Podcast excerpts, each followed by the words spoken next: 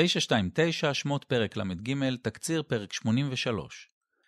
חטא העגל שהתרחש בפרק הקודם הוא משבר עמוק ביחסים שבין אדוני לעמו.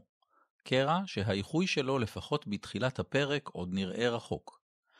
אמנם בעקבות השתדלותו של משה לטובת העם, החליט אדוני שלא ישמיד אותם, ויקיים את שבועתו לאבותיהם להביאם לכנען, אבל לא הוא עצמו יעשה זאת, אלא מלאכו, שליח האל. למה? כי עם קשה עורף עתה, פן אכלך בדרך, פסוק ג', לא קל לשמוע. וישמע העם את הדבר הרע הזה, ויתאבלו, פסוק ד'.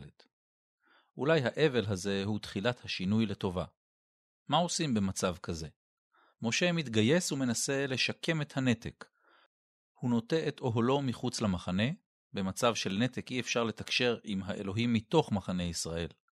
באוהל שורה השכינה ושם יכול להתקיים השיח, פסוקים ז' עד י"א. משה מבקש לחדש את הקשר בין העם לאלוהיו, ועתה, אם נא מצאתי חן בעיניך, הודיעני נא את דרכיך ואדעך, למען אמצא חן בעיניך, וראה כי עמך הגוי הזה. פסוק י"ג. מה זה לדעת את דרך אדוני? איזה סוג של היכרות עם אלוהים משה מבקש? התשובה שהוא מקבל בפסוקים י"ז עד כ"ב מורכבת משני מרכיבים. אחת, מידע. וחנותי את אשר אחון, וריחמתי את אשר ארחם.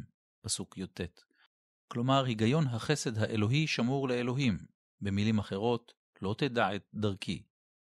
ושתיים, חוויה. הזמנה להתגלות, שתתרחש בפרק הבא. התגלות שבה משה לא יראה את פניו של אדוני, כי לא יראני האדם וחי, פסוק כ, אבל יכיר באופן בלתי אמצעי את האלוהים. הכי קרוב שאפשר. מי שסקרן שיציץ בפרק הבא. למה כדאי לשים לב בפרק אחת? התנצלות.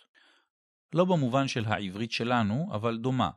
ההתנצלות, הסרת העדיים, התכשיטים, היא מחווה של צער וחרטה, והתנצלו בני ישראל את עדיים מהר חורב, פסוק ו'. למה כדאי לשים לב בפרק 2? כמה רחוק, המרחק בין אדוני לעמו מתורגם בפרק למרחק ממשי. ומשה ייקח את האוהל ונטע לו מחוץ למחנה, הרחק מן המחנה. פסוק ז'. למה כדאי לשים לב בפרק 3? יהושע בן נון בתפקיד דתי חשוב.